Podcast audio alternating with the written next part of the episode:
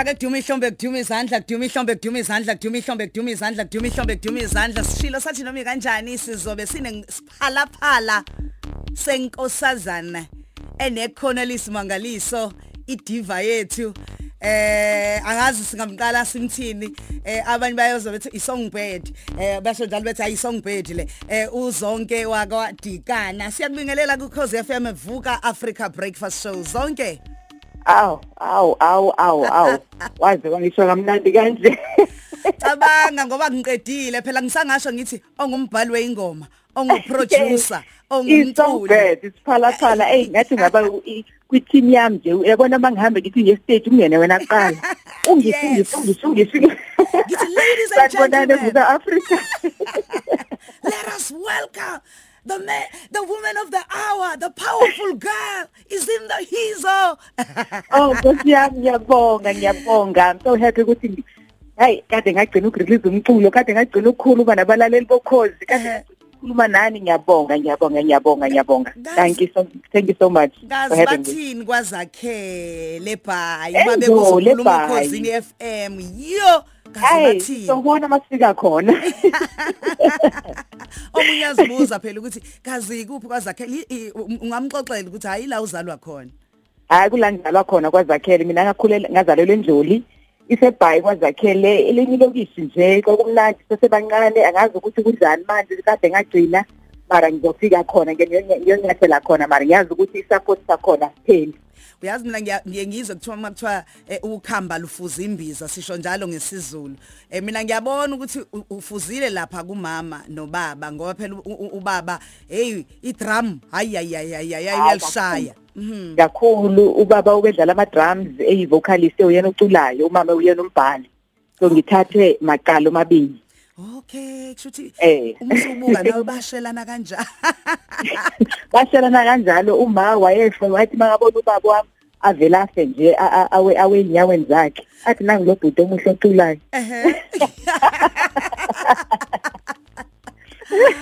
Kodwa wezonke angazi njalo eh, ngiyazi ukuthi eh awudadewenu bakhona. Ba- kodwa akusekho neyodwa nje insizwa nje?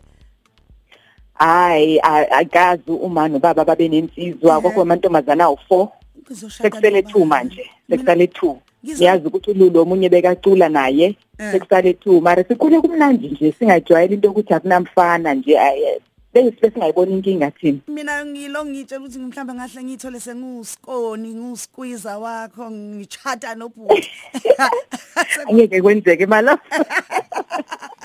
sengoza Ake kufana la ekhaya. maybe ungathola ukhazini wami nje ungaba right. No kuhle. Uyazi kodwa ke nje sesingena ke ngempela ngokwebusiness siyazikhanya kakhulu ngawe zonke. Eh ngiyabonga. sizikhanya ngawe siyabona ubuhle obungaphandle. Eh siyabona indlela oziphethe ngayo eh emphakathini. Kodwa Yebo. sibonga kakhulu eh ukuthi usiboleke wena. Eningizimu Afrika. Size sikwazi ukubonwa namazwe angaphandle ko Dubai kuphi kuphi. Size sibonwa abantu abanjengo producer abakhulu abahlonishwayo emhlabeni o Quincy Jones eh bethi khona into ekhona kuzonke dikana waseningizimu Afrika. Yebo. sizobonga lokho nje namhlanje kwena sithi siyabonga Oh ngiyabonga ngiyabonga kakhulu ngiyabonga. Yazi lento eshoyo uh, umuntu yakhona ukusebenza iminyaka emide angakaze ayizwe lento eshoyo ngiyabonga ukuthi ngisaphila ngikuze usho kanjalo. Ngibonga inhliziyo yami yonke. Mm ngoba ngempela uma ngabe sekuqhamuka abantu abanjalo kuye kube usubona ukuthi hayi angiseyimoyeni uzodwa dikana kuphela kusho senguzodwa South Africa zodwa Africa zodwa wase o- omele abantu basemakhaya baselokishini Yeah. bakuma suburbs omele nje bonke abantu Yebo, Futhi yebo. ngi- ngi- Hayi, ngiya- ngiyabonga. u- ukhona yini kodadweni mhlambe okunakayo ukuthi hey uperforme kanje stage hayi hayi, bengafanele wenze njena ubusuthini uma ususho kanjena U- noma bonke ba- bakushayela ihlombe bethi hayi right right ayithi yimina ozobuza mhlawumbe you know ngibuza ukuthi ngenze beku right ngenze kahle. Uyabona aba- abangishayela ihlombe bazosho ukuthi hayi i-energy yakho kule show hayi bengathi awukho kahle. Uyabona kwelinye show maybe umuntu athi ngibona ukuthi lapha yana ubufuna ukukhala kancane noma ungakwenzi lokho kakhulu estage. Uyabona ah, angisebenzi nabantu noma udadewethu aba abavele bakuloke bekushayela ihlombe nje bangamtsheli ukuthi kunento erong kuphi kuphi uyabona mina ngifuna iqiniso. Yabona Mm. so bayakhona ukungitshela ukuthi hayi beku right la hayi lana be noma eh ungabi too hard you know kuwena. Beku right bekumnandi yokinto so maku mabakunento bayibonayo nje yinhle yimbi bayangitshela. Kusho ukuthi kufanele nawe njengomculi eh, njengeciko ukhule eh Ukhule. mhlambe singa singathi masibuka ialbum edlule eh sicabange ngayo thina njengabalandeli bakho sithi hayi awubuyise futhi awubuyise futhi. U- u- uyiphinda phinda uyiguquguqule uqhamuke uhleka kwenye ialbum kwenye ialbum uqhamuke engathi mhlambe u- u- u- udiniwe noma uyathetha noma uyakhuza eh noma uyadansa kwenye. Eh, kuyalisiza ini artist lokho? Eh kakhulu kakhulu nga- ngoba uboma bumila ngithi uyaqhubeka ukuphila every day. Kuna something entsha enzekile kuwena.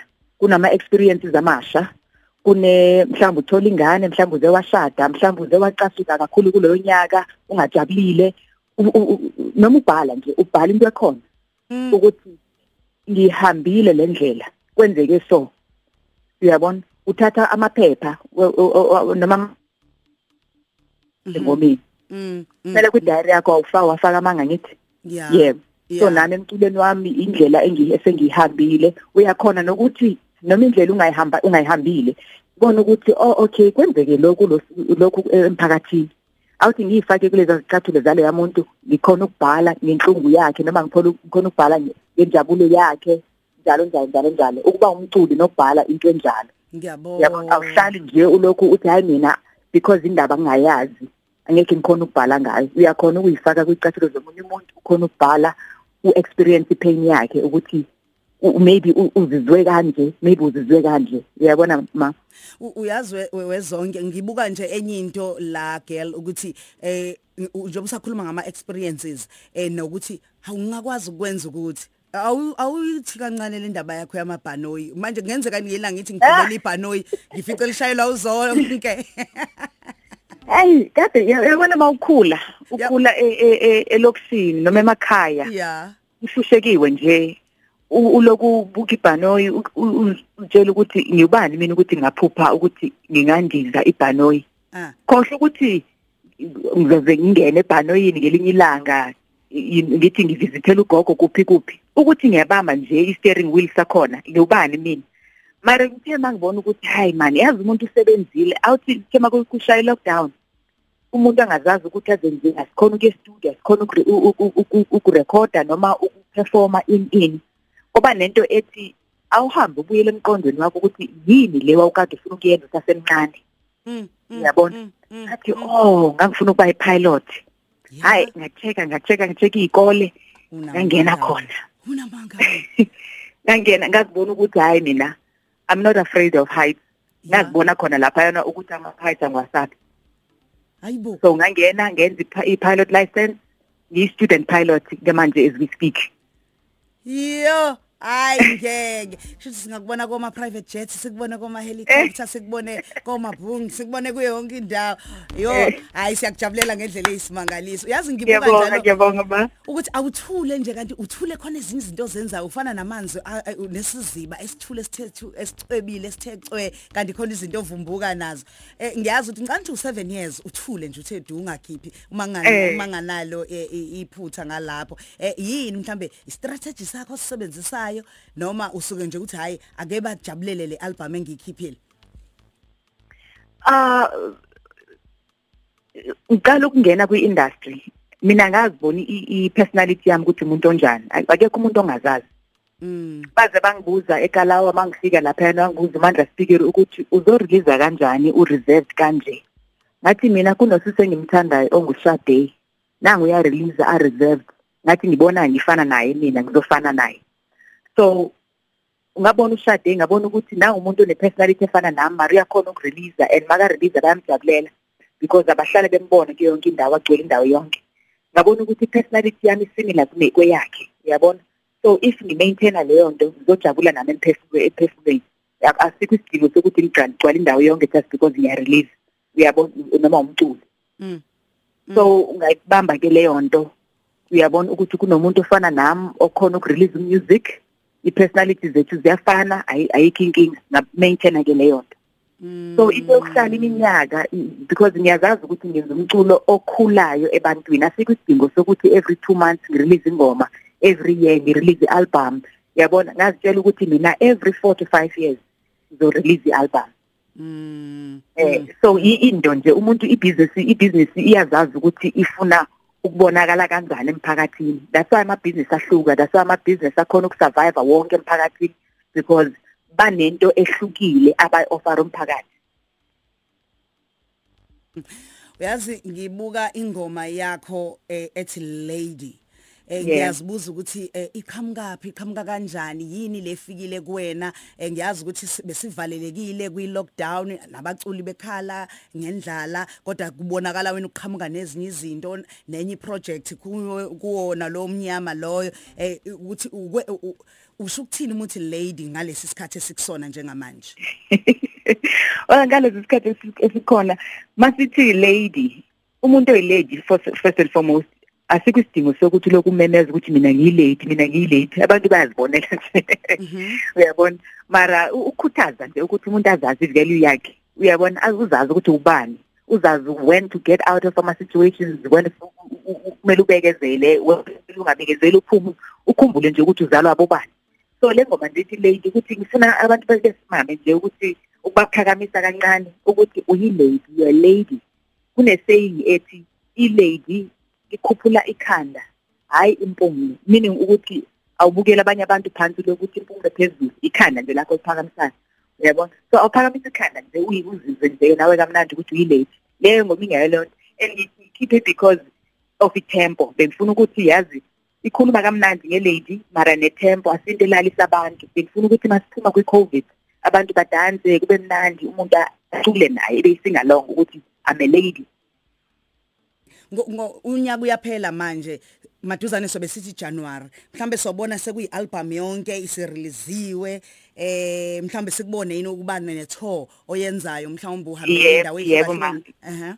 yebo ngiyajabula ukuthi usho kanjalo eh i-album yapi ngibhizi ngayo manje ngitshe just nje ukuthi ama-final touches wayo sengiqedile ukuthi nje ngibuyele nje ngiyobheka ukuthi yonke into bengifuna ikhona isounda kanjani imnandi kunento eshodayo yini uyabona ngiyathanda ukuthi ama-details wami emculweni wami ngiwalungise kahle. Uyabona because ngenzela abantu asebajwayele ukuthi bangikhiphe i- i- umculo baye bayazi ukuthi eh lo muntu bekasicabangela yonke into ifuna ihambe kahle. And then kune-tour esizoyenza uh 2022 so early 2022 nje si we are planning i-tour nje yakazonke not an album tour. I-tour nje because nomculo omningi i-catalog tour uyabona? La ngihamba ke ngiperforma konke angikaze ngaya kwi- kwi-tour mina since uh, uh, ngaba umculi ngangifuna ukuthi ngibe ne-catalog so that mawuhleli lapha kwi- kwi-audience kube nengoma ezikusa maybe wawuzala ingane ma- maybe wawushada maybe u- uma wakho wayeshada ini ini ngangifuna le- leyo experience le ingoma ezikuthatha zikubeke la nala nala nala emqondweni. So senza lezo zinto ke ngoJanuary yaphuma i-album yonke. And then 2022 we are looking at ukwenza izonke tour. Zonke tho ngonyaka ozayo ka2022 eh, yazi ngithe uma ngilalela ingoma yakho ngathola khona le ndoda le elahlekelwa ileli lady leli. Eh, le ndoda le eh, eh, eh, eyapi le ndoda? Ilahleka kanjani leli lady I think yes yeah ngiyisile le ngathi sometimes uyakhona ukuyifaka kuyicathulo zobonye umuntu. Yeah ngifakile nje ikati angisho ukuthi nami ebomini bami phela maybe lento yenzekala ngina 16 or maybe 18 akusho ukuthi into yamanje Yeah, uyabona? yeah. nginabo nabangani phela ngiyabona ama experiences ukuthi kwenzakalani uyabona ngikhulume from maybe into nami engeke ngayizwa. Ubu- umuntu manje sekayabuya ubona ukuthi ha bowuthi uyaphi wena phela mawulahlekelwe yilady aku- awuyikho enye into ezophinda uyenze embombini akunalawo ngayakhona uyabona so sonke into nje sazi ukuthi siyawenza amamzi amaphutha wonke phela na- na- nabantu abangamadoda bangasho kanjalo phela athi umuntu ulahlekelwe u-gentleman wena. Uyabona so naye angacula asho kanjalo. Yeah. So it's not necessarily ukuthi hayi kunalo muntu engikhuluma ngaye. Yeah. into ihlala yenzeka every day ukuthi ucabanga ukuthi hayi maybe the grass is greener kwelinye side yeah. Uthi mawuthi manje usofuna ukubuyela le- le- le- kuleli side ophuma kulona. Yeah uthola ukuthi sekuyabheda. Sekuyabheda manje sofuna ukubuya. Yeah. Hey lalela ayikho into esithokoze la ku Khosi FM njengokuthi ithina bokuqala esikhuluma nawe njengoba vele kuzophuma ingoma yakho izoqalwa nje okokuqala la ku Khosi FM yabona lokho ke nje? Sithi nje kade kade i-support sekhozi sibalekile kumina kakhulu ngiyabonga bonga ngenhliziyo yami yonke ma. Awumfakele umlaleli kuwe wena oyifakayo kuwe wena oyithulayo kuwe wena omnikayo uyifake enhlizweni yomlaleli lengoma ethi le Ubalaleli bokhozi imino zonke dikana ngirelease single yami entsha entsha entsha emnandi ebizwa Lady idlalo kokuqala khosini FM yabonga ngakho konke. Nijabulele nidansele kube mnandi. Siyabonga kakhulu. Bakulandela nasey'nkundleni zokuxhumana. Benza kanjani?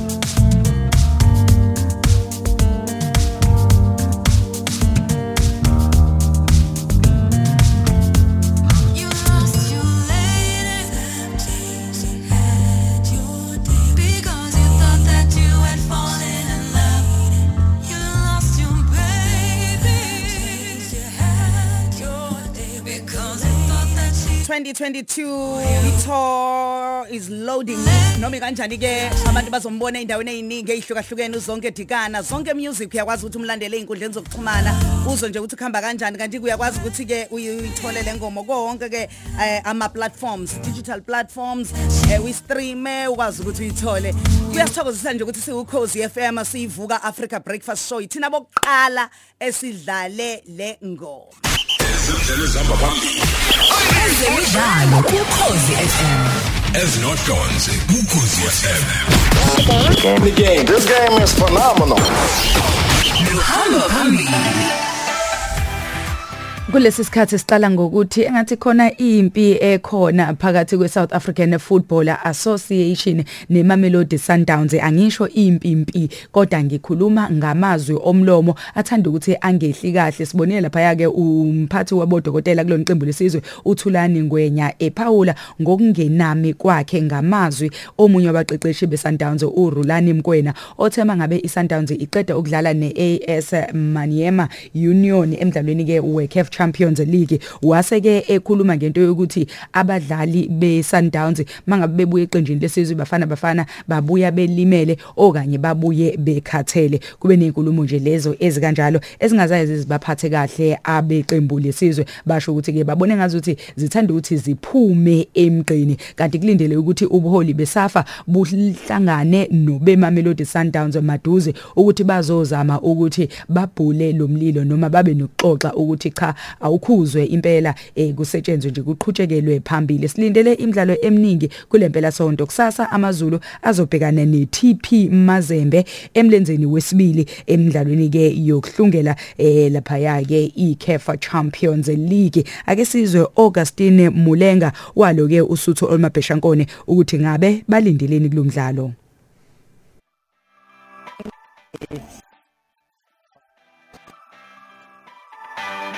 A big club with a big history in our African continent. And on Saturday, I'm sure we will go there and fight. Yeah, we we we give them respect, but inside the field, we won't give them respect because us also we want to get maximum points so that we can proceed to the group stage. And I'm sure the game is not going to be easy for us. It's going to be tough, but you just have to work extra hard from the first race. whistle.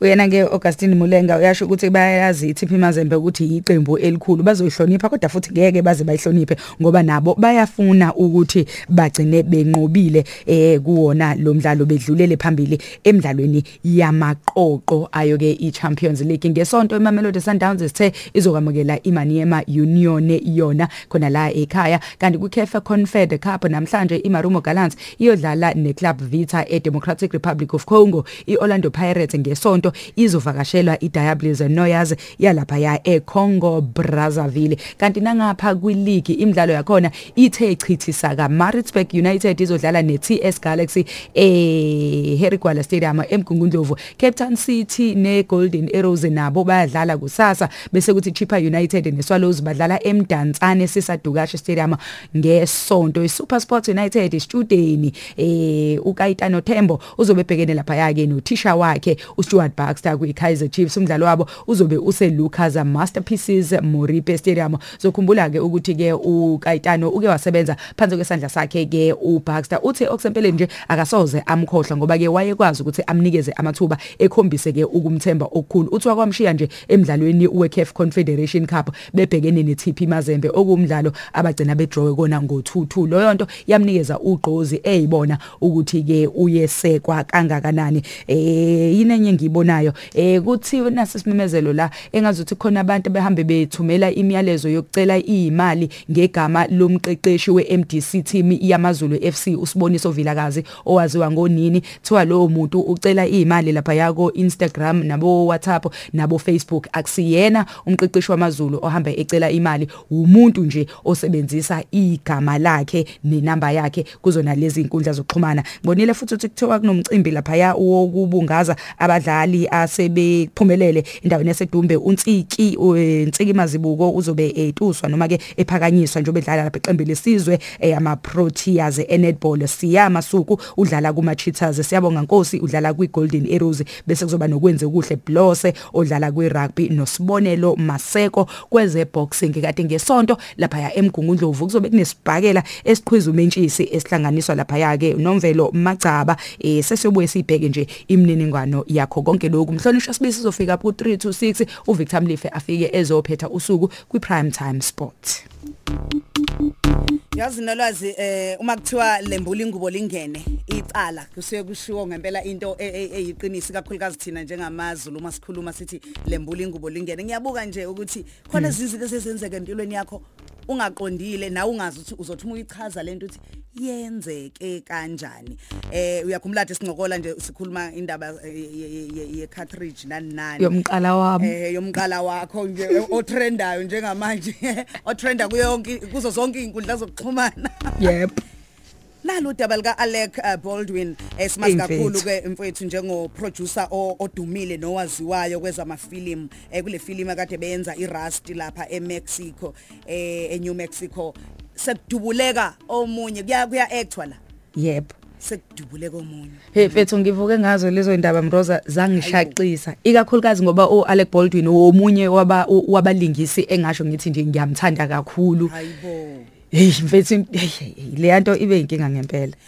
Ushaqekile naye u- noma ubuka ama video akhe uyambona ukuthi usaxakekile wahamba naye waye emaphoyiseni eh, ngoba uyabona ukuthi uyochaza kodwa akazi naye ukuthi uchazani uyichaza kanjani ngempela into yokuthi besidlala si si- siya actor ngathi ngiyadubula lesi spam sala kwisethi savesane sabula lusine ubani ucinematographer eh, akangagcina ngaye yashaya ngisho lo oseceleni udirector. Hey mfethu i- ithanda ukuba nzima lento mfethu I- nje ngiya ngiya ngiyam- ngiyam- ngiyamzwela ngiyamzwela. Ngoba phela angithi kuye kungasetshenziswe zangempela eh noma kuthiwa kusetshenziswa ezangempela kodwa angithi ukhona umuntu kuthiwa yini iamara ngicabanga Ya, kanjalo walapha ya emovini okuyena obhekelele yonke lento nokuthi akufanele kube khona bathi i-live ammunition akufanele kube khona inhlamvu yangempela kulesi sibhamu yebo soqhuma. Kodwa baya train wafethu kukhona umuntu obhekelele yonke lento. Hayi nje mfethu kunzima. Nokuthi phela yabo ukuthi izikhulu zezefilm lezi e- e- e- e- ezilimele manje lo munye oshonile. Ukuthi kuzoqhutshwa kanjani mfethu nokusebenza? Ngicabanga ukuthi incindezi inkulu kakhulu eh ku- ku- kubadlali bonke kubalingisi bonke nje nabanye nje oproducer bamanye ama ama movie eh nabo bazwakalisa ukuphatheka kabi ngoba nalo dlulile lo wesifazane eh cishe bena la esemncane nje no 42 eh ube namagalelo amakhulu kakhulu eh kwe- kwezama cinema athola nama awards kuningi nje okwenzakelile ngicanti kuyinto ebhlungu ngendlela ezimangalisa ingakho ngithi mhlawumbe fanele sisho sithi lembula ingobo lingene. Nokuthi wembrosa kade sengifunda kabanzi ngayo le movie ukuthi istory storyline sakhona u- uBaldwin ubalekisa indodana yakhe ena 13 Yeah. edubule umlimi ngephutha washona. Lento le ekuyistory vela seyiyenzeka futhi nokwangempela. No Bruce Lee futhi washona ezimweni ezizazibe nje hayi angiyazi lento kodwa ke so lokhu silandela nje sizwe ukuthi ngabe kuhamba kanjani. Sengathi nje yonke indawo abantu bangaphepha nakuyo lempela sonto abantu bagade nje baqaphele into eyiningi abazenzayo. Vuka nathi inkinga ngalo bobo phela usejwayelene e- eyitepe nje njena ngoba angazi ukuthi into azoyidikisa lapha eh, udikizela into ebobani ngoba utira ungcono ungcono utira uyajima yini usuku nosuku bese echaphaza laba kubukisa ngalezi ngane umuntu onecala la utira la. Maye wamelwa inhliziyo nje walivovo fanele siyovula icala sivulele lo mfana wakakhathi ngoba uyo ochaphaza lezi ngane ngoba zizidudla kangaka nje ayikho into engeke isalungiseka nje hlobo hlobo hlobo uyabona into engeke isalungiseka? Qala usuku lakho nebreakfast show ehamba phambili. ukhosi FM Luhamba phambili. Siyangokugcwala manje stadium esiwusinki nezitsha zidlala ukungcola. Ma, i-sunlight dishwashing liquid. Sheshisa. Mazishe. Ihlasela ngokusebenzisa sunlight liquid ngamandla ayo asebenza ngeindlela ezintathu. Ikushaye kulahlele kude le ukungcola namafutha. Ishiye izitsha zicwebezela. Hala kasha. Amandla sunlight asebenza ngeindlela ezintathu anqobile. Nangoke, umdlali othenjwa iqembu. Nazo Sunlight, more than you expect. Thola i-sunlight dishwashing liquid namuhla. Kuthiwa intombi umendo yawuthumela igundane. iZululand ithi yona intuthuko yayithumela ushenge nenqolo emasonto sonto. Mhla ka-19 October umeya waseZululand uKhansel Thula Sizobuthelezi uyovula amanzi mabedla nolundi ngo-8 ekuseni. Mhla ka-20 October uyohlangana nezinduna ebhangana ama Ward 5 nemithwalo yakhona engasukumi phansi. Mhla ka-21 October ngo-8 ekuseni ayothandaza nabafundi baka-matric ukuba babe nempumelelo evivinyeni zabo eMasibumbane High School. Ngawo futhi umhla ka-21 October abesemandleni Hall Ondini uZululand Day of Prayer ngo-10 ekuseni. Hamba nqola intuthuko. I-SUV Challenge isifikile kwaZulu Natal.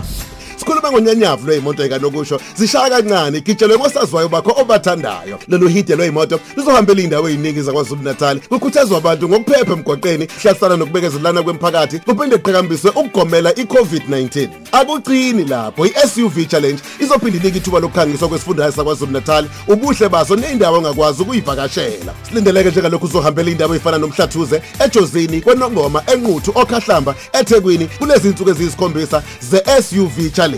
Ungasibheka kwi-hashtag suv challenge kuy'nkundla zokuxhumana ngeyilokotho ezinhle isiyavuya foundation ibambisene ne-kzn tourism brand sa ukhahlambe municipality umhlathuze municipality ijozini municipality kanye nokhozi fm ukhozi fm luhamba phambili